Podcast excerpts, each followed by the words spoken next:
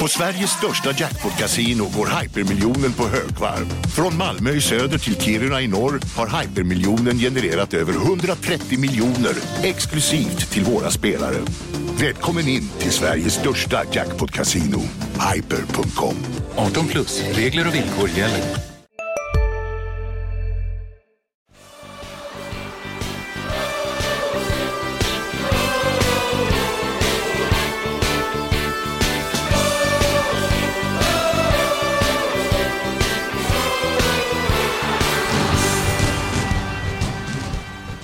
Det blev första förlusten för säsongen i Superettan för Landskrona Boys borta mot Jönköping Södra. 3-1 slutade matchen. Det finns mycket att bryta ner den i och det finns en hel del i efterspelet också. Vi hälsar er varmt välkomna till avsnitt nummer 15 av Landskrona Boys-podden med Sebastian Rönnström, Marian Svab och Mattias Hjelm. Frågan är i vilken ände vi ska börja. Vad tycker ni? Ska vi ta läget i laget nu, det som är brinnande aktuellt eller ska vi gå in i matchen först? Vad säger ni? Jag kan väl börja med det, det farskaste. Då tar jag en snabb resumé eftersom jag var i kontakt med Billy Magnusson den här podddagen och jag hann ju inte mer än eh, ringa upp honom där han berättade att han var hemma och jag frågade då jaha, du jobbar hemifrån nu? Då visar det sig att han har alltså åkt på covid-19. Inte kul. Det är ju jobbigt för alla som gör det, men han mådde förhållandevis bra berättade han för mig. Lite mer trötthetssymptom, hosta, men som ju ni alla förstår så kan han ju inte vara bland folk utan håller sig hemma. Men eftersom Billy Magnusson då inte har feber, han har inte halsont heller, så kan han jobba hemifrån. Så han sitter och analyserar den matchen som vi snart ska analysera och tittar då på den kommande motståndaren Örgryte. Men han är alltså helt ur spel, om man nu kan uttrycka det så, för, för en tränarroll i den kommande matchen. Och sen så Filip Andersson tvingades utgå. Skadan har haft en väldigt jobbig tid. Nu har han åkt på en bristning i vaden. Mer då Alexander Tkac har känningar i baksidan. Där är de försiktiga. Får se om han kan vara tillbaka mot eh, Örgryte. Det är förmodligen en överansträngning. Och Somar Almadjed tvingades också utgå, men han är i full träning. Niklas Nielsen som har varit skadad gjorde comeback i U21, så han är ju disponibel. Vad är det fler för namn jag har bommat här nu? Erik Persson. Erik Persson som jag också har varit i kontakt med och som jag har en färsk rapport ifrån. Han eh, säger att det gick bra på de första tuffa testerna under onsdagen.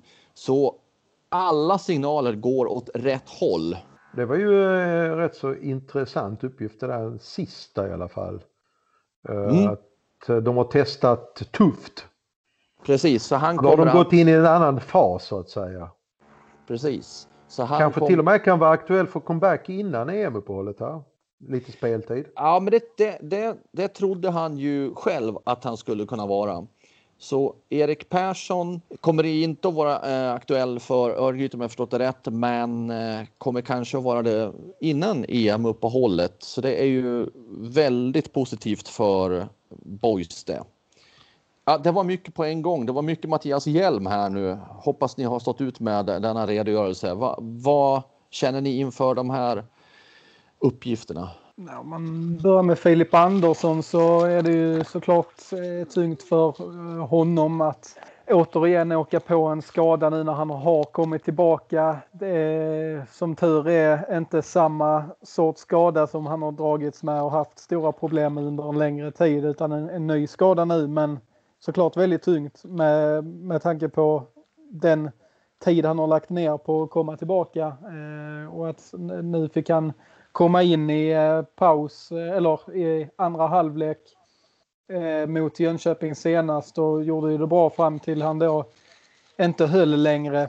Så det är ju väldigt tungt. Eh, annars så känns det som att det ljusnar eh, på boys eh, skadefront här. Erik Persson är på väg tillbaka är ju en, kan ju bli en positiv injektion här framåt, eh, framåt uppehållet. Så, eh, och att det inte var eh, för allvarligt eh, med de andra heller. Eh, känns ju, känns ju positivt för, eh, för Borgs del. För det blir ju lite, lite orosmoln på, eh, på Borgshimlen där i andra halvlek mot Jönköping när, när de fick av en efter en. Men att det då inte var så allvarligt ehm, eh, är ju positivt såklart.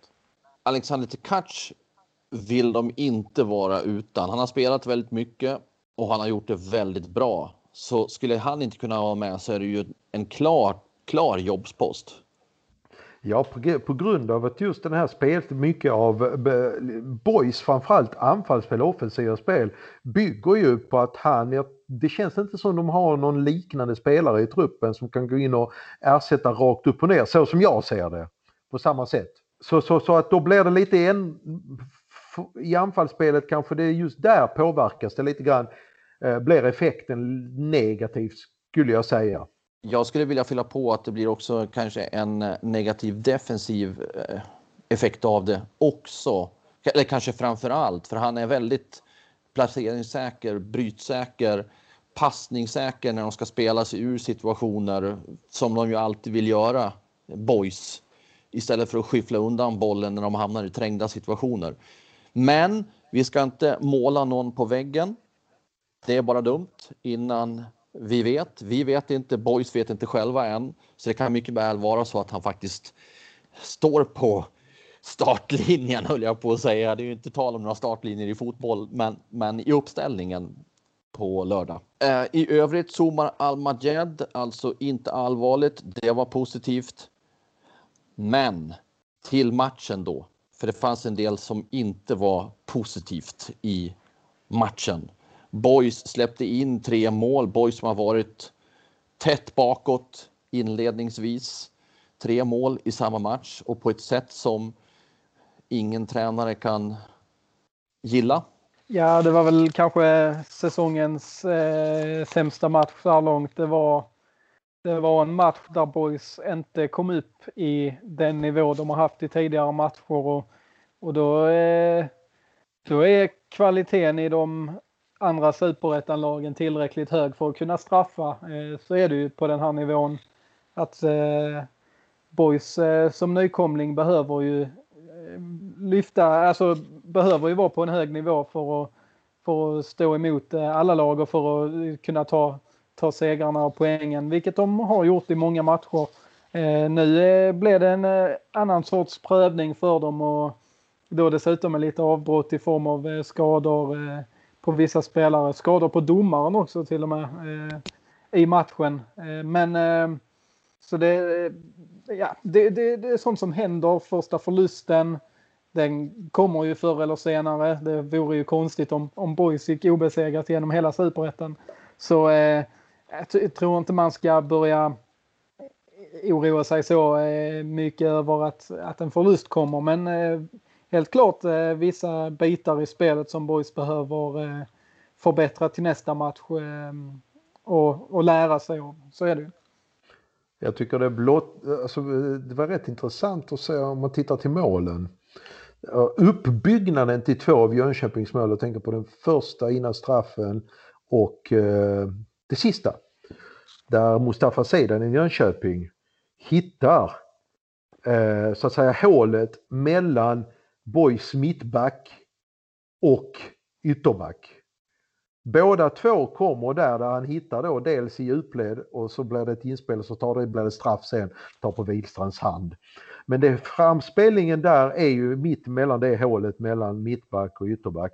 Och direktpasset som sedan slår eh, till en framstormande Jönköpingsspelare vid 3-1 målet som då stänger matchen är också i den ytan där de kommer med fart in i straffområdet, passningen kommer eh, mellan mitt, eh, mittback och ytterback och sen spelar han snett bakåt eh, och, och så blir det mål. Eh, där tyckte jag var rätt intressant att se hur liksom, alltså, det var lite brister där som jag inte har sett tidigare. Liksom, för det har jag ändå sett eh, både backlinjen och de defensiva mittfältarna har lyckats täppa till eh, de hålen rätt så bra tidigare. Eh, nu var det lite autobahn där. Men om man tittar på hur de ställde upp så var det ju en, en del annorlunda, nej inte annorlunda men ja, återigen så var det lite skillnad i, i startelvan och så kan man också se att Billy Magnusson gjorde tidiga byten i halvtid. Det plockades ut spelare och ja, det är ju såklart nu är byten för att plocka in. Det gjordes förändringar. Han var inte nöjd med hur de hade uppträtt och, och målet tillkom på en på en sen stopptidsminut också. Och vi ska snart lyssna till Billy Magnusson vad han själv tycker och tänker om målen.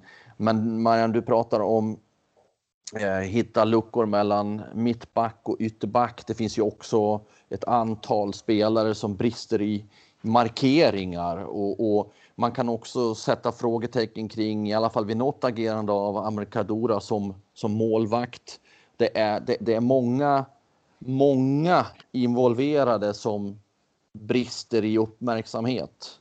Väl? Ja, men så var det ju. Det, alltså, det är ingen match där jag riktigt tycker att det är några Även om det vid enskilda situationer vid målet kanske är spelare som kan göra det bättre. Amokadora tycker jag kan göra det bättre på 3-1 målet till exempel. Och första målet är ju en straff eh, som Boys eh, klagar väldigt mycket på men som jag tycker är ganska klar. Eh, andra målet känns lite hönsgård i försvaret. Eh, så det, det, är klart att det är individuella spelare som kan göra bättre individuella prestationer där. Men överlag var det ju en, en match där Boys, inte, Boys som lag inte kom upp eh, i rätt eh, nivå. Och för, framförallt i första halvlek var det, var det svagt. Andra halvlek tycker jag ändå man får någon slags effekt i anfallsspelet. Man börjar skapa mer målchanser och ja, men, eh, tar sig längre upp i planen. Eh, då gör man det bättre efter de här bytena. Man får lite, lite mer fart. Men men eh, sett över 90 minuter så var det en rättvis seger för Jönköping och en, en, eh, en svag prestation av Boys. Om man tittar på, går in och, och special tittar på det där utifrån mina ögon, eh, och det får man ju ta för vad det är såklart. Men eh, det är väl Filip Ottosson vid det andra målet som blir helt bortgjord och så spelas bollen in och så är det Måns Ekvall som inte träffar bollen när han ska rensa bort den och det, det, är ju många spelare där så det borde ju inte, det borde inte kunna resultera i ett mål tycker jag. Och sen vid tredje målet tycker jag mig kunna se hur Johan Rapp ändå någonstans vid inspelet är beredd att ta den gubbe han, vad jag ser, ska ta och ger tecken med högerarmen bakåt att täcka upp bakom här och då är det väl Melker Hajer som är kommer alldeles för långt bak helt enkelt och det blir en helt, helt fri yta att sopa in bollen till, till 3-1.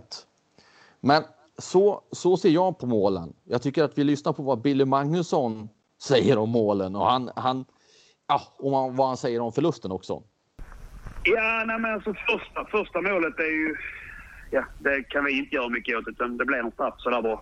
Uh, eh, det vi kan göra åt kanske innan det är att vi fuskar ett litet djupledslöp som gör att de kommer i situationer där de sen skjuter bollen på Viktor Wistrands hand som ligger i marken. Liksom. Så, så att, eh, och det blir straff. Det är svårt att göra något åt det. Förutom kanske att man kanske kunde undvikit fångat upp löpet lite tidigare. Tydligare. Andra målet, det är lite grann typ- symptomatiskt känner jag utifrån hur sista 30 ser ut. Att vi är slarviga i vårt passningsspel. Vi är lite otydliga i både med boll och utan boll och pratar både offensivt och defensivt. Och ser man på den sekvensen den sista minuten innan de gör mål så, så har vi bollen två gånger och slänger iväg den. Och sen så kommer vi lite snett i, i, i vårt pressspel och sen så kommer det ett inlägg och det är otydligt och då sparkar vi nästan ihop och springer in i varandra och trillar och helt plötsligt så skjuter Robin Book eh, in 2-0 liksom. Så där är, för, där är för många sekvenser där som vi inte är nöjda med. Men, men, eh, men eh, det var väl lite så som det var kanske under den halvtimmen också. Eh, sen tredje målet, där går vi bort oss i ett play and go-spel. Vi tappar vår gubbe och, och det är väl, enkelt, det, det, är väl det, det som är svagast utifrån eh, alla de tre målen då. Men, men det får vi rätta till. Alla, ingen är felfri, varken vi tränare eller spelare. Utan det, det har vi pratat om, eller framförallt vet jag att grabbarna med Max har pratat om. Jag har inte varit där. Men, men men eh, vi vet vad, vad, vi tappade den gången och det, det lär vi oss av. Det, det har hänt förr och det kommer hända igen men, men man lär sig hela tiden som fotbollsspelare och fotbollstränare. Liksom. För man ser ju där på tredje målet vid inspelet att Johan Rapp visar med sin arm att täcka upp bakom här men eh, den täckningen kommer inte. Nej, och jag känner väl kanske mer det som sker ute på kanten. Det är det jag tycker är på enkelt, där de tar sig runt där vi har gubbarna och vi tappar gubbarna liksom. Sen, sen när det gäller det här inspelet då, då, då är vi ju... Ja, då är vi lite ur position och så. så det är väl, jag reagerar mer på hur vi försvarar oss i första läget ute på kant. Det är det jag, det är det jag tycker att det är för enkelt. Mm. Så lätt ska de inte ta sig in i straffområdet. Ser du, ser du det här som en, en tillfällig plump i protokollet eller ser du något, något mönster och vad, vad försöker du få in nu inför nästa match? Nej, men alltså det är så där. Spelar du 30 matcher på en säsong så har du prestationer som är väldigt bra och någon prestation som du känner kanske att du är mindre nöjd med. Eh, jag tycker ju prestationen över första fram till 1-0-målet är jag nöjd med hur vi kommer ut. Sen har vi en dålig period som du säger efter 1-0 till egentligen halvtidsvila. Sen tycker vi vi är klart bra i ja, 25 minuter till tyvärr vi tvingas till ett byte med Filip igen och, och, och, och, och vi är, tappar lite momentum och så. Och sen, sen blir det 3-1. Och vi möter ett Jönköping eh, som är mycket bättre eller enligt, eh, enligt mig, enligt hur, hur poängfördelningen har varit. Och det ser man även på vilken typ av spelare det är. Så, så för mig är det inget konstigt. Och vi kommer att förlora fler matcher i den här ligan, men förhoppningsvis kommer vinna fler också. Det, det är så det är att jobba i, i Superettan. Uh, man måste hela tiden ta utmaningen och sen tar man lärdom när man känner att man inte fullträff. Och sen så när man får fullträff så gäller det att förstå att det krävs samma investering igen. Så, så, nej, jag ser varken något mönster hit eller dit. Jag ser väl egentligen en, en mänsklig utveckling i saker och ting. Eh, Billy Magnusson, ja, han eh, fokuserade mycket på också det som hände innan målen blev till. Så han har en lite större och bredare och säkerligen bättre bild av målen än vad jag hade. Och sen då förlusten. Ja, ni hörde ju själva att Billy Magnusson konstaterar att det är sånt som händer och kommer att hända och att Boys förmodligen kommer att förlora fler matcher i serien. Ett bra lag är ju det, är det, det som kännetecknar ett bra lag är ju hur fort de studsar tillbaka efter en motgång. Och det är därför det är så intressant läge nu för Boys för nu har det liksom varit en lång period av eh, bra resultat. Det, pilarna, alla möjliga pilar har pekat åt rätt håll. Från det att man eh, gick upp och vann eh, det här kvalet mot Dalkurd Eh, Eh, till en eh, ganska hyfsad, eh, ändå stod väl ganska hyfsat upp eh, i Svenska kupen liksom, de, de, behöver ju inte liksom, okej okay, de förlorar ju klart väl både mot Östersund och vad var det, Mjällby och slog Akropolis där. Men det var ändå fortfarande så att det kändes som att nej men det, det här lär de få ihop. Och sen får de ju en jättestart här, raketstart i superettan.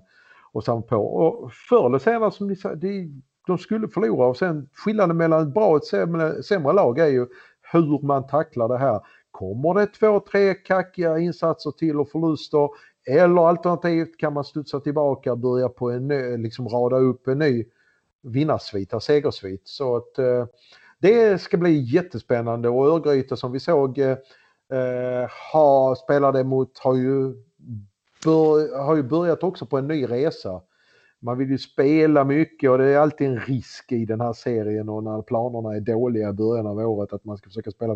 De försöker ju spela till exempel på Olympia, Örgryte. Eh, och var duktiga, hade mycket boll. I ju det laget så är ett av de lagen också som har haft mycket boll och ville bygga med kortpassningsspel. Men som föll då klart med 4-1 på Olympia trots allt. Och Boys kommer ju kunna straffa detta om de vinner boll på rätt punkter på planen. Så att, eh, och, eh, skulle det däremot bli en förlust till för Boys Ja men då är det ju tre matcher kvar fram till uppehållet eller vad är det? 11, 11 omgångar ska de spela va? Ja och det vill ju till. Det hade varit rätt så bra för Boys att kunna gå till i alla fall till med 15-16 poäng. Till, då har man gjort det bra tycker jag här nu fram till uppehållet. Uh, som sagt var, det kan vara ett hinder på vägen bara och se hur spelarna tar det de har ju spelat bra fotboll så att då, de behöver inte ha glömt hur man spelar fotboll i alla fall. Och det borde ju betala sig kanske, kan man tycka. Ja, jag tänker, alltså det ska bli väldigt intressant att se just i den här matchen mot Örgryte för det är två lag som Nej, som båda, som vi var inne på inför Jönköpingsmatchen, som båda gillar att ha mycket boll och, och rulla eh, längs marken och så här. Det blir intressant. En liten tränarduell också. Jag vet att Bill Magnusson själv eh, tycker, eh, tycker om det som eh, eh, Örgrytes eh, tränarduo eh, vill liksom åstadkomma, det, deras syn på fotboll eh, eh och, eh, och så här. Så, så det ska bli spännande att se. Samtidigt också som just nu när, när då den första lite prövningen kommer i superettan, hur boys tacklar den. För det är ett lag som har haft alltså egentligen ständig framgång ända sedan Bill Magnusson och Max Möller kom in och som inte har ställts på jättemycket prov. Eh, det är inte många förluster i rad eh, som de har haft under de här två och ett halvt åren. Eh, nu har jag inte exakt siffran i huvudet men om det är två eller tre förluster som max i följd som, som Boys har haft. Eh, och de, de, har ju eh, visat eh, tidigare att de är väldigt eh, skickliga på att studsa tillbaka, lägga det bakom sig, identifiera vad som kan bli bättre och sen också eh, få utveckling på det. Så eh, jag tror inte att Boys, alltså så som Boys har byggt sitt eh, lag och sitt spel så kommer man ju stå fast vid det här till 100 procent och justera några småsaker för att förbättra och och det ska bli kul att se mot Örgryte som ju inte har börjat säsongen så bra. Om Boys då kan, eh, kan eh, ja, men studsa tillbaka och, eh, och lyfta prestationen direkt härefter. Ja, för sen har man ju efter den här matchen har man ju då Vasalund borta, Brage hem, eller sista innan uppehållet och sen så direkt efter här har man väl Gais borta och sen Brage och sen Vasalund borta. Så att som sagt var fyra matcher kvar fram till uppehållet. Kan man få in jag tror att det hade känts ganska skönt för boys så kanske man står väl på 14 poäng nu va? Som sagt. En eller ja, 12, två... 12 har de. Är det så? Ja, ja. förlåt. Nu tittade jag på... Titta på GIF Sundsvall. Nej, det gjorde jag inte. Utan jag tittade faktiskt på Landskrona Boys har 12 poäng där. Ja, just det. GIF Sundsvall stämmer jag i hjälmen. Eh, jag tittar lite, ha, flashade förbi tabellen lite väl snabbt. Ja men säg att som jag sa, så upp på en 16-17 eh, poäng där så ser det ju riktigt, då, då kan man ju, har man något att bygga vidare på ju. Jag skulle vilja säga så här att det är ju en klockren motståndare som kommer för Boys nu. Det är hemma på IP mm. och man möter då ett Örgryte som verkligen inte har startat säsongen bra poängmässigt. Man ligger på nedflyttningsplats näst jumbo. En seger på sju matcher. Man kan egentligen inte få ett, om man nu ska kalla det så, ett, ett större drömmotstånd när man ska studsa tillbaka efter en Nej. säsongens plattmatch. Och då, alltså om, om om det går som det borde göra enligt tabellen och hur lagen i stort har uppträtt så här långt så vinner Boys och då är man uppe på 15 redan efter åtta matcher. Nu ska ju det ska spelas om det. Inget är klart förrän det är klart, men det finns ju världens möjlighet för Boys att, att se till att det inte blir en svacka av det här. Ja, man ska, glöm, man ska inte glömma liksom tre av motståndarna här. Det finns ju goda poängchanser överhuvudtaget i de här sista omgångarna innan sommarledigheten. För då har man ju Vasalund, Brage och ÖIS som är tre av de lagen är bland de fem sista. Mm. Uh, och det är viktiga poäng för det är lag som Borg ska ha bakom sig.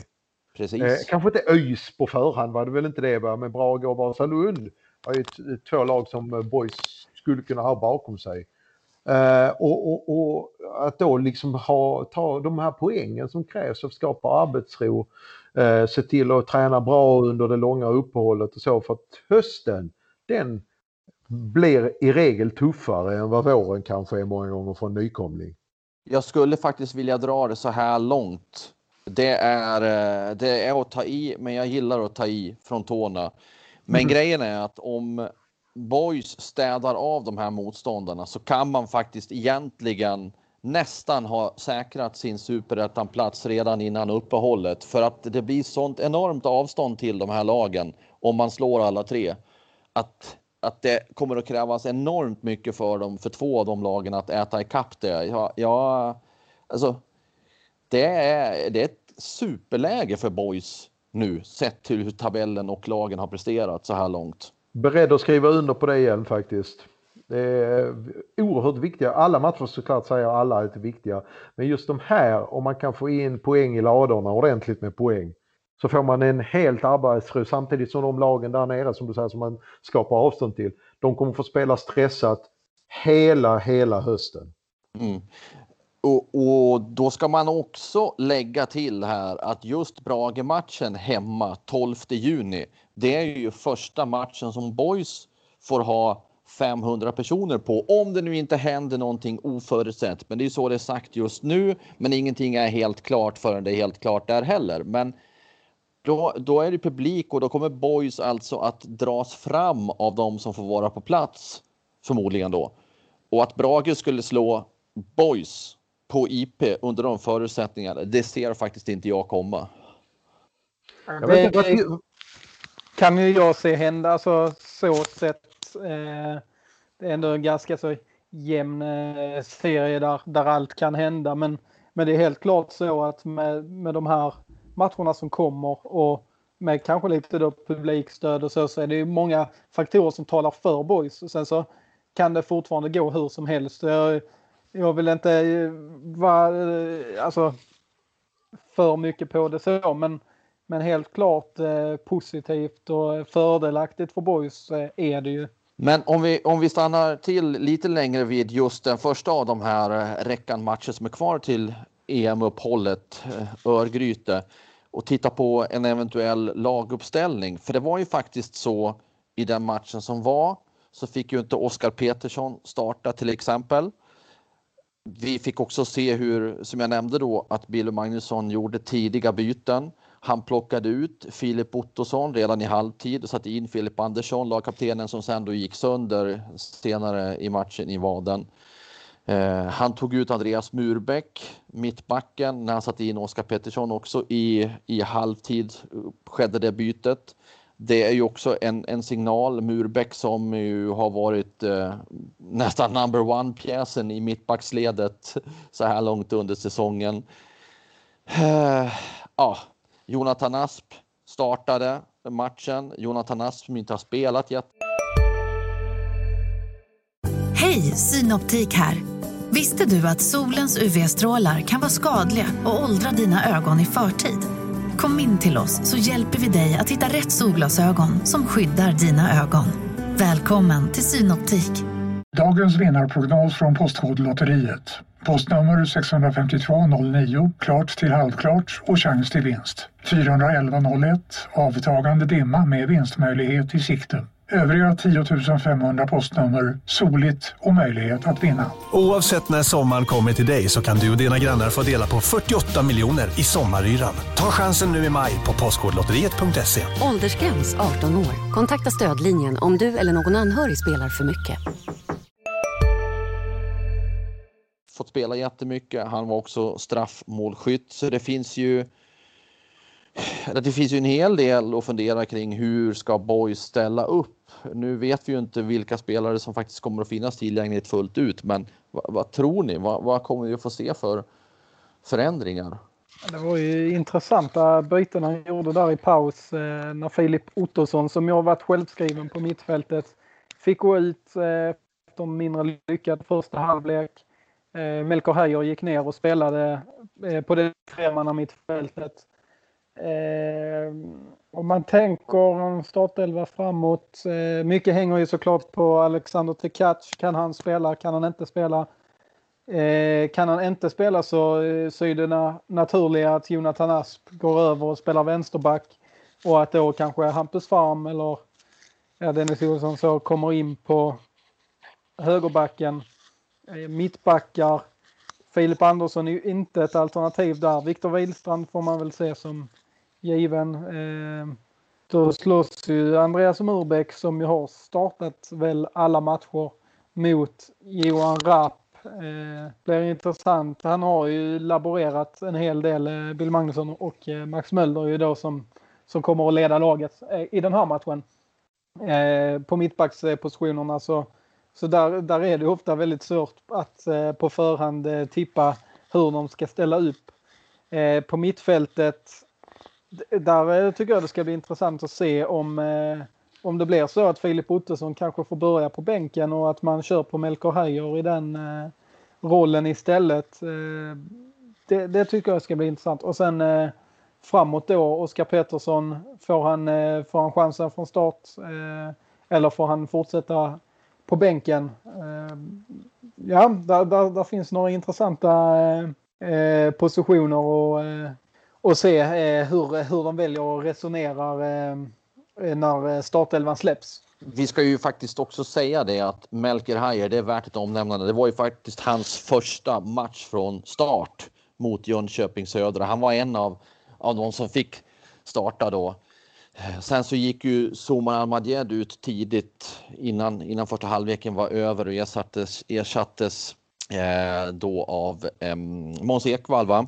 Eh, men nu verkar ju Somar Almadjed vara i slag för att kunna spela. Så han kanske går in på den positionen igen då. Vad heter det? Jag, jag, tänker på det lite grann på Filip Andersson nu. Det har varit en eh, följetong också där kring honom. Lite grann som med Andreas Granqvist som också är lagkapten i HIF så tänker jag det. Det är ändå Boys lagkapten vi pratar om här nu, Filip Andersson. Som har varit den här, som nu åter är borta ett par veckor, vad är det, 68 veckor eller vad det sägs. Eh, kanske. Eh, och nu tror jag i och för sig att de jobbar med i gruppen kanske det här med att han är borta. Men det är ändå det är en figur med pondus, har varit det tidigare och sådana grejer. Nu är det kanske så att man får acceptera helt enkelt att Filip Andersson kanske inte kommer tillbaka eller hur det, det är lite klurigt läge det där tycker jag. Eftersom han är, han är mycket Landskrona Boys för det här gänget. Alltså. Så jag hoppas verkligen att någon kan kliva fram där och ta. Och då tänker jag på en sån som Wilstrand, det är ju den typen han är kanske den som får ta den här flaggan vidare. Eh, han känns som det naturliga tycker jag för mig. Eh, och hittills har varit en av de, mm, för mig, positiva överraskningar att han har kunnat ställa om till en serie där eh, han aldrig har figurerat tidigare. Eh, har, har flötit in sömlöst. Visst, nu var det straff men det var det mer otur tycker jag att han orsakade den här straffen. Eh, så det har varit väldigt roligt att se. Sen tänkte jag på en sån som ni nämnde inte Måns Ekvall i snacket om på mittfältet. Nej, det var bara på slutet här jag konstaterade att han ersatte Somar Almadjed ah, okay. när han uh, gick ut. men nej, vi har inte pratat har... om Måns Ekvall så. Nej, det är inte mycket. Det hörs inte mycket om honom han har ändå varit en given pjäs i Billys eh, trupp tidigare. Och vad jag skulle komma till nu är kanske är att eh, vi får se om eh, de här skadorna och alltihopa tvingar fram att de här spelarna 12 till 16 börjar visa fram för, eller att man får användning för dem och att man kan kanske rotera här nu också utan att effekt, den positiva effekten försvinner allt för mycket. Det, det, det, är också en sån spännande grej som jag tänkte jag skulle följa. Filip Andersson, jag fyller på igen här han kan ju bli en eh, jättenyttig injektion under hösten. Boys är ju något av höstens lag också normalt sett så så vem vet om, om Boys kan hanka sig kvar högt, om de kan städa undan de här så kallade bottenlagen som är nu innan EM-uppehållet och sen eh, fortsätta på någon framgångsvåg efter EM-uppehållet, hålla sig ajour med tabellens toppskikt framåt hösten och så kommer Filip Andersson in i gammalt gott slag. Ja, då vet man aldrig vad som kan hända. Man jag vet har, aldrig vad som kan hända. Jag har en liten spaning här faktiskt om ni, om, om ni ursäktar att jag bryter in här. Spana på. Eh, jo, det här med, återigen var vi här nu med eh, där Boys eh, gjorde en, som ni var inne på också, mot Jönköping att man gör en väldigt bra andra halvlek. Vilket i sin tur innebär att man gör en väldigt svag första halvlek och det är ju en korrekt iakttagelse på alla sätt och vis. Men det här med första halvlekar och när de har, att det har dröjt innan Voice har växlat upp. Det har man ju sett en gång, ett par gånger tidigare liksom. Eh, ja men både liksom i, i öster borta minns jag, där gjorde man en mycket bättre andra halvlek. Här i Jönköping mot andra Smålandslaget. Eh, Falkenberg hemma var väl där du var igen, det var inte jätteövertygande kan jag tycka. Och jag såg ju själv AFC Eskilstuna, det var inte jättebra i första halvlek. I andra halvlek var liksom boys överlägset och tryckte tillbaka AFC. Det är liksom, dippa, liksom diffar lite grann mellan första och andra halvlek. Eh, ofta, kan jag tycka. Det, det är liksom en intressant eh, Ja, Akropolis eh, var väl inte heller sådär första halvlek, sådär jättewow. Om man nu ska ta den spaningen ett steg vidare så Mm. kan man lägga till motståndare som ju då kanske har en, en motsatt trend där man startar starkare och avslutar svagare. Kan det vara? Det är, det är alltid en eh, fråga om vad, vad är det man brukar säga? Yin och yang, balansens eh, moder eller vad, vad det nu är för någonting. Det finns ju alltid en motståndare som, som står upp och kanske... Jo. Ja, det, det, det är svårt att, separera lagen från varandra. Ja, det är klart. Alltså, men jag tycker det är, det är skilt. Eller så är det så att boys eh, eh, ja, kanske inte får att för lagen, eh, motståndare som du möter som du säger Hjelm, är ju eh, i början av matcherna och när man kommer till IP och sånt och man vet att boys gillar mycket boll och så att man täpper till på ett annat sätt. Och sen när ju längre matchen går så eh, utnyttjar boys det, bollinnehavet. Jag, jag vet inte riktigt sånt, men jag tycker att det skiljer rätt mycket för att ni, just mot Jönköping, första halvlek var ju inte bra. Igen. Men andra halvlek skapar de faktiskt en hel del avslut boys. Tvingar Jönköpings målvakt till en bra räddning där på ett skott, distansskott. Har ett bra läge inne i straffområdet som det ska egentligen vara mål på och så vidare. Innan straffen. Det är en intressant spaning då. Jag, jag håller ju med eh, också om att eh, så har varit tendensen. En eh, förklaring skulle också kanske kunna vara i att Boys är ju ett, eh, alltså som vi, som vi har nämnt jättemånga gånger här, eh, ett lag som, som, som bygger sitt eget spel och som eh, alltså successivt över hela banan liksom bygger nerifrån och upp. Och då eh, kan det ju ibland i vissa matcher ta lite tag innan det sätter sig. Man, man känner på motståndet. Eh, vad är det för typ av lag? Hur, hur tacklar de vårt eh, spelsätt? Eh, det är en ny nivå Mm. för boys. Det är nya motstånd av en högre, eh, högre rang. Och att man då helt enkelt, eh, att det tar lite tid att, att få igång sitt spel mot de här lagen. Att, att man helt enkelt känner på det i början och sen så successivt växer in i matcherna eh, när man känner av lite vad, vad det är för, eh, för motstånd man ställs emot och hur de hanterar en. Liksom. Och, och det tycker jag är okej. Det tycker jag är okej. Okay. du har eh, väldigt många poäng, poänger här Sebbe. Eh, och det tycker jag är okej. Så länge som man eh, ändå liksom är med resultatmässigt menar jag. Så, så, så, så må det vara hänt att det diffar lite grann i prestationer mellan olika halvlekar. Men här hamnar man ju tidigt i ett 2-0 underläge i första halvlek. Och den kan ju bli jobbig ju. Om man gör försvar så pass svaga halvlekar så att, och för att jag menar det har varit så i vissa andra matcher också, men där inte motståndarna har varit tillräckligt skickliga för att kunna straffa boys. Här blev det två mål direkt. Och, och, och, och, och hur bra en boys är i andra halvlek, du ska komma ifatt och Jönköping är inte dåligt lag på något sätt, även om tabellen visar no, en, en annan sak. Och då kan det bli jobbigt att jobba i de här, så jag känner liksom att hade man kunnat önska någonting så är det att boys prestationer i båda halvlekarna kanske inte är topp, topp som de har varit i många gånger i andra halvlek, men att det blir lite jämnare prestationer i båda halvlekarna. Nu slänger jag ut en helt annan spaning som jag kom på nu och som jag egentligen inte har hunnit kollat upp, kollat upp här än. Men min känsla säger att Billy Magnusson och Max Mölder varit mycket mer konsekventa är nog inte det ordet jag letar efter för då det blir en liten fel touch på det. Men vad jag vill komma fram till är att man har varit betydligt mer bestämd i vilka som ska vara startspelare jämfört med tidigare säsonger. Med risk för att jag har fel här och min spaning går ut på att kanske är det så att vi rent av får se ett målvaktsbyte till Örgryte-matchen.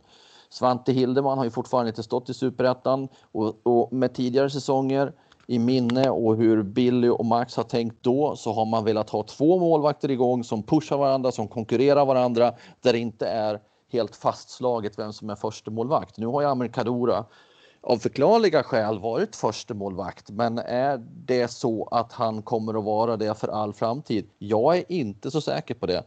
Det som talar emot min spaning, Sebbe du ska alldeles snart få komma in här. Det som talar emot det, det är att Billy Magnusson inte är med och leder laget på lördag. då kanske man inte vill göra så stora förändringar som att byta målvakt. Om det nu är så att Svante Hildeman konkurrerat och varit så pass bra som han ska kunna vara på träningarna. Men eh, ja, jag flaggar en liten, en liten varningsflagg för att, eh, att det kanske, kanske kan bli ett målvaktsbyte. Ja, du har ju haft vissa spaningar som har eh, slagit in. Eh, Johan Rapp, eh, han startar ju inte i premiären som du eh, sa, men han har ju fått väldigt mycket förtroende. Hampus Farm, någon gång eh, du och Erik diskuterade högerbacksplatsen så föll den in också. Jag tror inte att eh, huruvida Billy Magnusson är med eh, på matchen eller inte har någon som helst betydelse för startelvan. Det, det blir ju som de har tänkt oavsett. Men eh, eh, och sen så tror jag inte att man, man byter målvakt. Eh, rotation har det ju varit rätt så mycket på, på många positioner. Där är ju en 5-6 spelare som har varit helgjutna i startelvan och eh, som är, känns lite så untouchable. Eh, och så är det vissa positioner där det har bytts ganska så frekvent. Eh, jag är lite förvånad över att Amokadoro har tagit en så tydlig eh, så tydligt grepp om, eh, om första platsen i mål. Eh, jag trodde att det skulle bli mer kamp mellan han och Svante Hildeman. Svante Hildeman har förvisso haft lite så till och från han varit sjuk och den här ögonskadan på försäsongen som har kanske stått i vägen lite för honom. Jag, jag skulle bli förvånad om Boys byter målvakt. Eh, här. Jag, jag, tror inte de gör det utan Amokaduras prestationer överlag har varit väldigt bra och jag ser ingen anledning till att man ska byta målvakt. Men eh, ja, det är en intressant spaning du slänger ur dig så får vi helt enkelt se om det, om det blir så eller inte. Men jag, men jag tror inte att, eh, att eh, Billys eh, frånvaro har någon som helst eh, inverkan på det beslutet. Och då säger vi hej och välkomna till spekulationspodden med Mattias Hjelm. Som kastar du sig hej vilt utan att ha någon täckning för det mer än någon slags magkänsla. Ja, jag mm jag, jag tycker att det är, det är ett lämpligt tillfälle att, eh, att ska man testa Svante Hildeman på superettanivå så är det mycket som skulle kunna tala för det. Just att de förlorade senast Amer Kadora kanske inte var hundraprocentig på alla mål. Eh, det är ett motstånd som eh, Boys förväntas vinna mot och kanske inte ha så många chanser som man släpper till mot sig. Även om ÖIS gillar att spela bollen. Så läget är bra för målvaktsbyte. Sen om det blir det, ja, vi får se. Jag har ingen grund för det, jag bara, jag bara spekulerar. Jag tycker fortfarande att eh, om man tittar på eh, vad heter det, eh, högerkanten så finns det ju lite grann, alltså jag tittar på avsluts på, på matchen nu mot Jönköping. Så är det fortfarande högerkanten har man inte fått ordning på ju riktigt. Eh, vänsterkanten funkar ju och avsluten nu var ju 10-6 till Jönköping och två på mål hade Boys. Och då ska man ändå veta Boys efter straffen när de är 2-1 så har de ändå läge att göra 2-2. Men jag skulle vilja se mer hot, eh, eh, eh, offensiva hot på, från båda kanterna. Jag tycker det är lite tydligare både på försäsongsmatch, i försäsongsmatchen och i början av serien. Nu tycker jag det är ganska tippar rätt mycket över åt vänster sida. Och eh, kan man få lite, hoppas jag man kan få lite ordning på det så får lite mer variation. Ja, högersidan, om vi ska stänga det kapitlet här för den här för den här podden eh, den här veckan så är det ju så att eh, högersidan är ju en av de positionerna där det har laborerats mm. mycket, vilket då förklarar också att Absolut. Det, det de inte riktigt har fått träff där. Ska det vara Hampus Färm som är offensivt lagd men som inte riktigt har hittat den defensiva balansen i sitt spel i den rollen? Eller ska det vara Dennis Olofsson som har spelat där väldigt mycket tidigare år men som inte har varit självklar där på något sätt den här säsongen. Eller är det Jonathan Asp som nu har kommit in och får fortsätta där? Där, där finns det en och sen har det varit mittbackspositionen, men där har de ändå inte laborerat så fruktansvärt ja, mycket. Men det ger sig själv nu också med, med Filip borta tycker jag. Ja. Och på ett sätt. Men högerkanten är, det är, det är en intressant för den Någonstans måste man ju bestämma sig för hur man vill ha det för det liksom går runt på tre eh, spelare så här som man har gjort som du nämner Mattias. Det, det är ju det riskerar ju att det inte blir någon kontinuitet och att det inte blir, alltså att det eh, blir någon slags eh, eh, stäm utan att det blir massvis med olika spelare spela eh, med varandra. Eh, och sen har vi då liksom Oskar Pettersson har vi spelat någon match där. Han, han, har ju varit framför dem där som Precis. oftast Oftast, men, oftast ja. ja. Det var nu senast han inte fick starta dem, men, men han där är ju också ett tydligt tecken på att han inte startar den här matchen. Ja, mm. då är man inte helt nöjd med vad man fått ut av honom. Så högerkanten har ju varit boys tydliga mm. akilleshäl tycker jag. Mm. Mm. Och det är spännande man kan få ordning på den, för jag menar centralt med Linus Arulsson och sånt, där, där har man ju, tycker jag, liksom spets eller ordning på det. Jag tycker det hotet, där har man det. Och till vänster definitivt. Nej, det kanske okay. är som du säger att man, man, snart får nu när man har kommit en, snart en tredjedel in i serien. Ja, det var överdrivet också, men, men snart eh, bestämma sig för okej, okay, den här ger vi förtroendet och sen jobbar vi med den spelarens eventuella brister så att mm. eh, den, den fungerar fullt ut. Eller de, båda de positionerna, ja, höger, högerback och högerytter. Jag skulle vilja se mer av Färm för jag tycker det har varit liksom, det passar in i det boys vill göra kanske tydligast. Inget ont om Dennis Olsson och, eh, och Asp. Men jag tycker i dagsläget, och det jag har sett så är det, ja det är möjligt att ni tycker någonting annat, men jag tycker ändå att han passar in, han har lite grann samma profil som Nej, defensiven är inte kanske alltid hans starkaste sida. Men man kanske får offra någonting, tänker jag. Att skapa, skapa mer framåt. Jag skulle säga så här att bestämmer man sig för Hampus Färm, då vet mm. man vad man får framåt. Mm. Då måste man också hitta en, en bättre balans med Oskar Petersson, för de hamnar ganska mycket i samma yta framåt. Mm. Och bestämmer man sig för Hampus Färm så behöver man jobba med hans defensiva eh, placeringsförmåga och även eh, värderingsförmåga. Vilka passningar ska jag slå ur den här positionen? Vad sätter jag mina lagkamrater i för, för lägen om jag slår den här bollen snett inåt mitten? Så bestämmer man sig för Hampus Färm, då bestämmer man sig också för att okej, okay, vi ger honom en läro, lärotid och det kommer att komma en del misstag, framförallt bakåt då, men också kontinuerligt jobba med dem så att han, han blir stensäker också i det.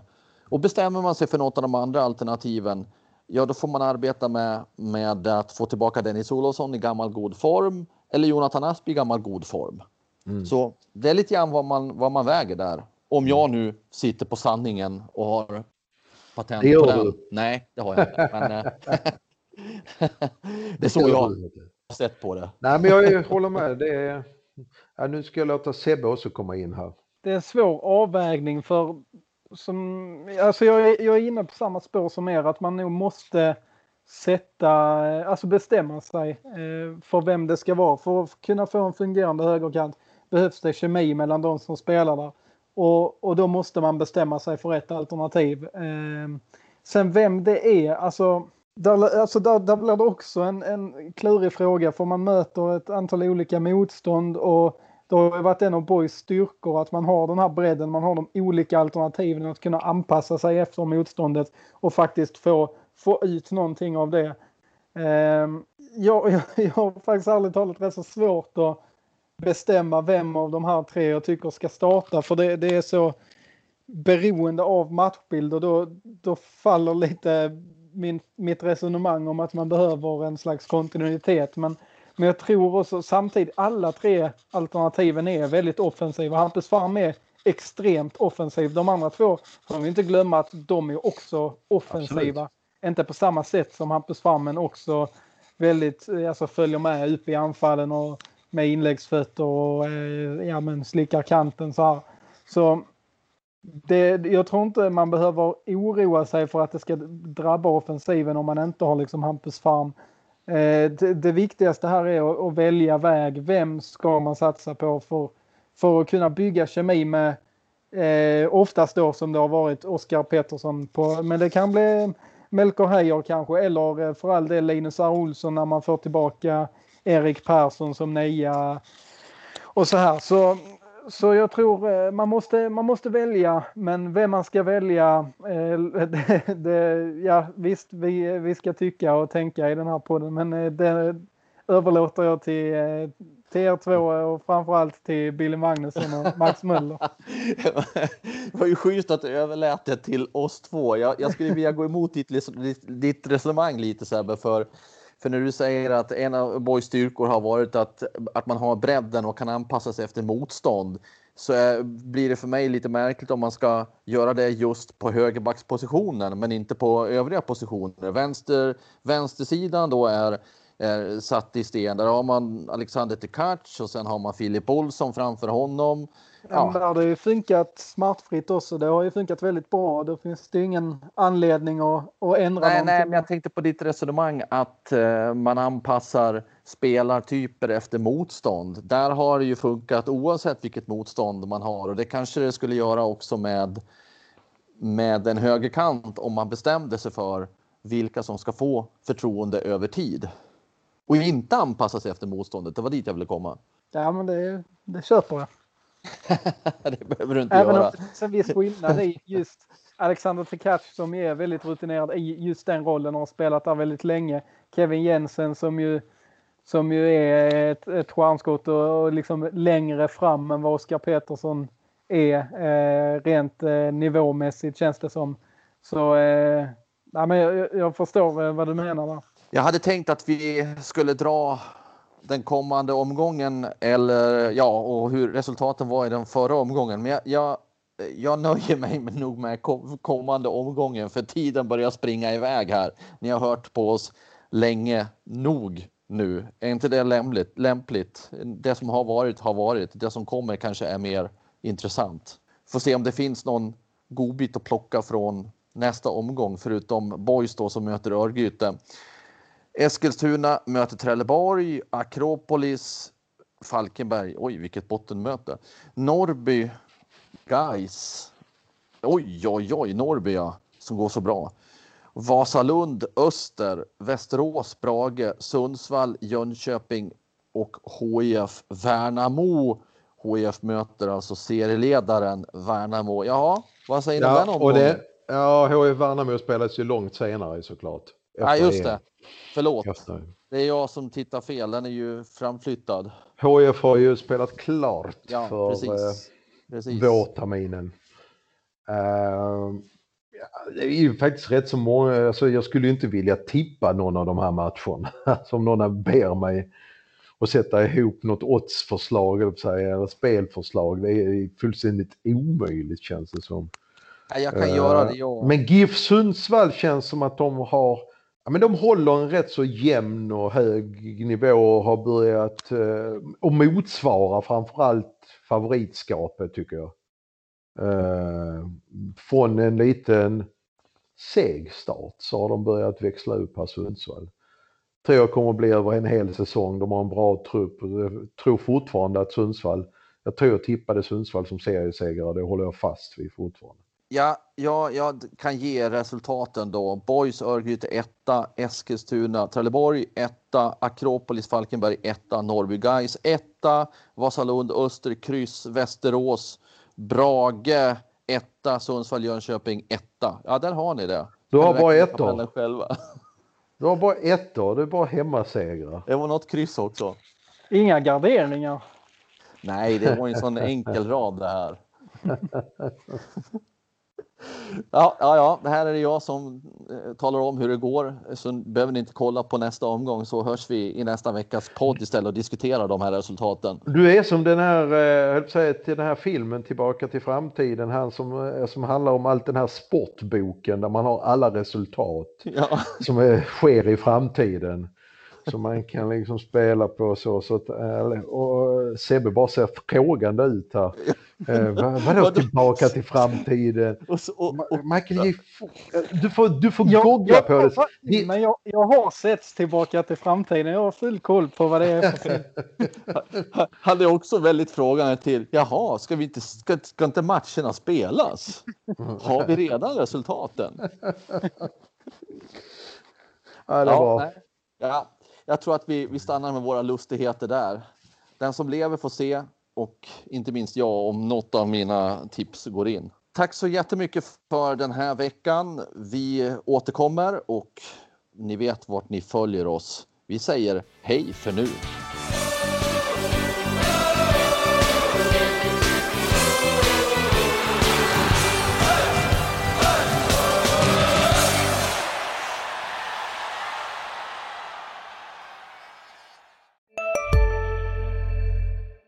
Välkommen till Momang, ett nytt smidigare casino från Svenska Spel, Sport och Casino där du enkelt kan spela hur lite du vill. Idag har vi en stjärna från spelet Starburst här som ska berätta hur smidigt det är. Jaha, så smidigt alltså. Momang, för dig över 18 år. Stödlinjen.se. Välkommen till Unionen. Hej! Eh, jo, jag ska ha lönesamtal och undrar om potten. Ja, om jag kan räkna med övertidsersättning för det är så stressigt på kontoret jag jobbar hemma på kvällarna så kan jag då be om större skärm från chefen för annars kanske jag säger upp mig själv. Och hur lång uppsägningstid har jag då? Okej, eh, vi börjar med lön. Jobbigt på jobbet. Som medlem i Unionen kan du alltid prata med våra rådgivare.